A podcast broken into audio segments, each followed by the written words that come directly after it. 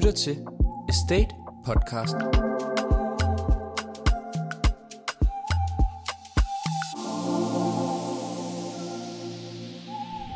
Du lytter til den tredje podcast i serien med brudstykker fra årets boligdagene.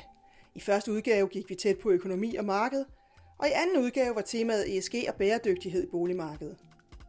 I denne udgave går vi tæt på konceptudvikling og produkter.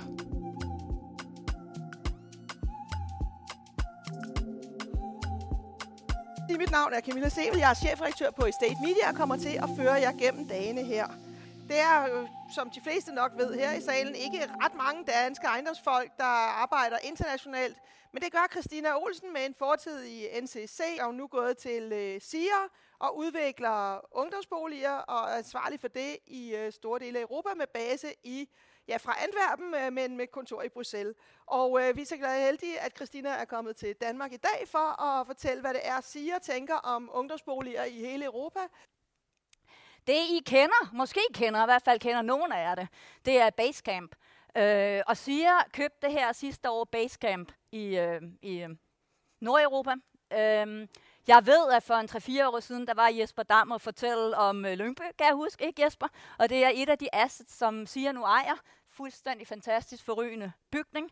Øh, og med den akquisition, så fik uh, SIA jo faktisk et fodaftryk i det meste af Continental Europe, og blev dermed den største udbyder. Frankrig er et lidt svært land at have med at gøre, og derfor er vi ikke der endnu. Men det er simpelthen på ønskelisten at finde en ordentlig portefølje dernede, så man ikke ligesom har det gap mellem Benelux og øh, Spanien Portugal.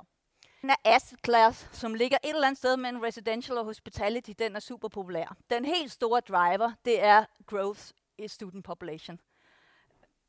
Men det er også den shortage, der er, at der simpelthen ikke er boliger nok til at bo. Så, så selvfølgelig kan det her jeg vil ikke sige, at det ikke kan blive ved forever, for det virker som om, vi simpelthen ikke kan følge med i at forsyne øh, markederne med nye øh, boliger til de studerende i forhold til den vækst, vi ser. Det, der selvfølgelig kan ske, det er, at de vender sig mere mod USA eller Australien, eller at nogen af, af tredjelandene, Kina og sådan noget, selv begynder at få anerkendte universiteter. Og så vil det her ændre sig, så vil det tippe. Men lige nu, så er det her også drevet, det er et ekosystem.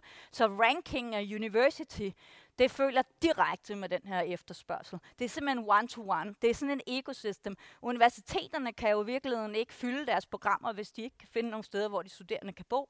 Så skal vi til den store afslutningsdebat, hvor vi skal diskutere, hvad det er en god idé at investere i i boligmarkedet i øjeblikket. Og til den snak, der vil jeg gerne byde velkommen til Rasmus Friis fra Tetris. Hvor langt hen skal jeg så sætte mig? Du må gerne sætte dig. Tak. Øh, så har vi Christian Høgsbro, tidligere AAB, men nu Klub Management. Så har vi Christina Olsen fra SIA. Vi har Jesper Bras Fischer fra PFA. Mm. Hej. Vi har Peter Gill fra Capman. Og Søren Møller Larsen fra Akademikerpension.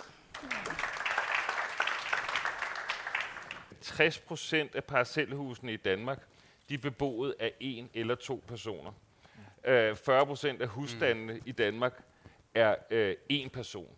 Så, øh, så det vi ligesom prøver øh, i Tetris at arbejde med, det er, jamen, øh, hvad er de store trends? Hvad er det, øh, hvor vi for alvor kan flytte øh, på et marked, og hvordan kan vi gøre det bedre, øh, det marked, der er derude. 25 procent af Danmarks indbyggere eller beboere, eller hvad vi end kalder dem, lejeremner, kan vi også kalde dem, de er øh, over 65 år i øh, 2040.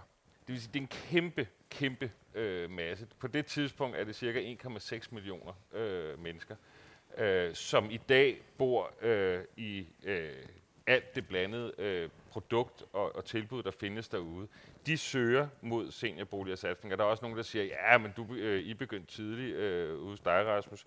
Ja, men kom alle sammen, vær med. Uh, vi kan umuligt øh, nå at opfylde øh, den efterspørgsel, der kommer til at være på det, øh, som følge af, at vi bliver ældre og ældre. Man hører ja, så er der jo ikke ret mange øh, skyer på himlen, kan man sige. Der er øh, stor interesse for at investere i boliger. Det er... Øh, på mange måder øh, bare at have et, spørg- bare et spørgsmål om at regne anderledes, end man gjorde før måske. Mm. Er det rigtigt øh, fortolket, eller, øh, eller ser I øh, en, øh, nogle barriere i forhold til investeringer i boliger i de kommende år? Peter? Ej, jeg, jeg synes, det var en meget positiv fortolkning. Ja. Ja, så tror jeg ikke, jeg fik formuleret mig helt klart, for jeg synes netop, jeg sagde, at vi skulle en tur i det kreative værksted for at få det til at lykkes. Vi, vi ser masser af skyer. Masser.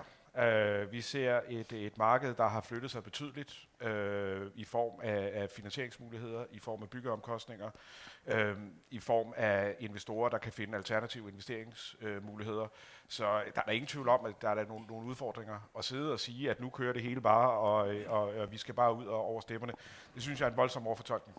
Uh, I hvert fald på, på den korte bane.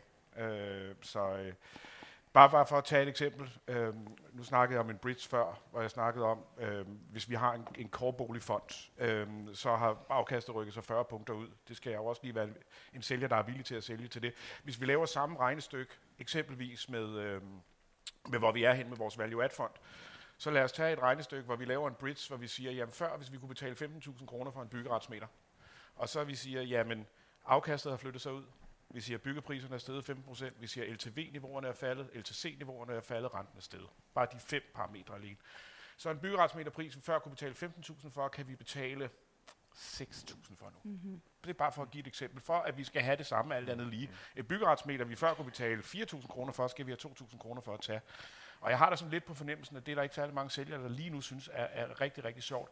Så der er helt klart, der skal ske en justering af markedet og nogle, nogle, nogle forventninger i markedet, før vi for alvor kan, kan få sat gang i de her ting. Så der er der, der er skyer på himlen. Øh, øh, det synes jeg da bestemt, der er. Øh, om de er lige så sorte, som jeg synes, de var for en måned siden, det kan vi så diskutere. Men, øh, men der er der helt sikkert nogle udfordringer. Det var Christian først, og så Søren. Jamen altså, den almindelige sektor, den er jo kontracyklisk. Øh, så øh, når, når, når markedet dykker, og det er svært at få, få de forskellige invest, investor cases til at hænge sammen, så er det jo, at man i hvert fald øh, set som en almen byggemand øh, har nogle muligheder i markedet for at få realiseret nogle af de byggerier, der ellers har været rigtig, rigtig svært.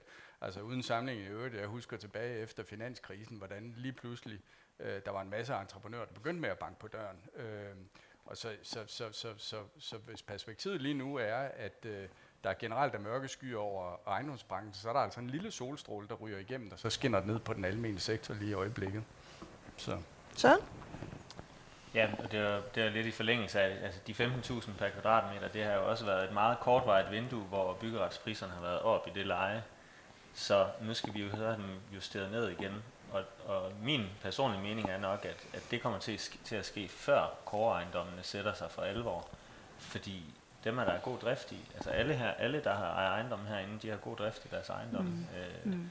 Der er også, de fleste har også gode finansieringspakker på, så der er ikke nogen, der er tvunget til at sælge driftsejendommen nu.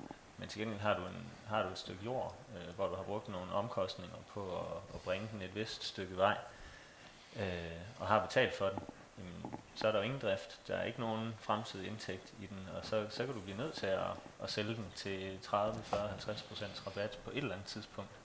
Og der, der sidder vi jo også bare lidt og venter tålmodigt, altså også øh, gribe, kan man sige, som, øh, som mm. vi jo også er. Christina? Jamen altså, det, der, det, det vi ser, det er efterspørgselen er der jo. Det tror jeg også, at det I ligesom så i går med den vækst, så den er der jo.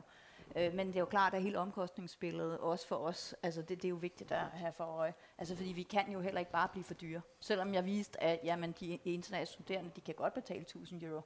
Altså, så er der jo også øh, domestic, altså øh, nationale studerende, der skal have et sted at bo, og det kan de nok ikke. Så vi er nødt til hele tiden at holde det der for øje og sørge for, at, at, at vi bliver ved med at have et betalbart produkt. Så, så alt, altså renten, inflationen, energipriserne, alting påvirker jo i virkeligheden negativt. Rasmus? Ja, yeah. jeg synes også, at øh, vi kan finde alle skyerne. Øh, jeg synes også, vi kan se helt fuldstændig overskyet dage. Jeg synes også, det regner tit i Danmark. Jeg synes, vi glemmer, øh, hvad de helt store fokuspunkter er. Altså, øh, ja, det er blevet dyrere at bygge, hvis vi bygger, som vi plejer. Ja, øh, det er sværere at, øh, at regne øh, sagerne, hvis vi gør fuldstændig, som vi plejer. Men, men, men er jo for fanden en grund til, at der er nogen af os, der kan tillade sig at kalde os udviklere, øh, og ikke øh, i virkeligheden bare nogen, som der sidder inde på et advokatkontor og flytter papir fra den ene side til den anden side og siger, at alt skal dækkes af i hoved og røv. Hvis man, hvis man forholder sig til, at der findes øh, nogle helt nye, sindssygt vigtige trends, vi skal forholde os til, det er, at vi skal bo mindre. Altså, nu må vi ikke sige bæredygtighed, men vi, vi må altså godt sige CO2, vi må godt sige, hvor meget energi bruger vi, øh, alle de forskellige ting, som vi, der skal til at gøre en forskel i samfundet. Så hvis vi begynder at bo mere kompakt, hvis vi lader være med, som jeg sagde før i øh, min åbningsreplik, at en til to mennesker på 60 procent af parcelhusene i Danmark, det er ikke bæredygtigt de bruger rocker meget energi, øh, og de sidder og skal have varmechecks af staten for at få råd til at blive boende i deres hus på 165 kvadratmeter, fordi gassen er blevet dyr. Gud skal de have. De skal flytte, så børnefamilierne kan bo der, i stedet for at vi skal have nye parcelhus bygget af huskompaniet, som i øvrigt prøver at ligne en palæ-ejendom fra 1910. Vi, vi skal gøre øh, en, en, en fucking forskel øh, og gøre os umage, fordi så er der stadigvæk masser, ja. masser, masser at, øh, at lave, og der er masser af muligheder ude i branchen. Og der kommer til at være nogen, der også godt vil betale en, en mere pris for et produkt, hvor at folk de, de, de bor mere kompakt, hvor at vi griber folk øh, ud af ensomheden, hvor at vi har øh, nogle fine LCA-tal, hvor vi har det lave CO2-aftryk. Men, men selvfølgelig kan vi ikke gøre, som vi kunne sidst. Men jeg kan også huske, da jeg sad øh, i, i paneldebatter lige efter fi, øh, finanskrisen, og folk sagde, kommer vi nogensinde til at se øh, tal og, og, og stemningen ligesom før finanskrisen? Ja, vi gjorde. Og, vi, øh, og, og bankerne kunne også glemme det. Vi kunne alle sammen glemme det, og nu var det den nye virkelighed. Og folk sagde for to år siden, ah, lige om lidt, så kommer det altså, så, så kører vi ind i en mur. Ej, ej, det er noget helt andet. Ej, ej, dengang, vi løber ikke tør for penge. Jeg har selv sagt det. Det kan da godt være, at vi ikke løb tør for penge, men alting blev dyrere. Det blev meget, meget, meget dyrere at bygge. Ja, hvis vi bygger, som vi plejer. Så vi, så vi skal bare tænke nyt. Vi skal gøre noget andet. Det er udvikling.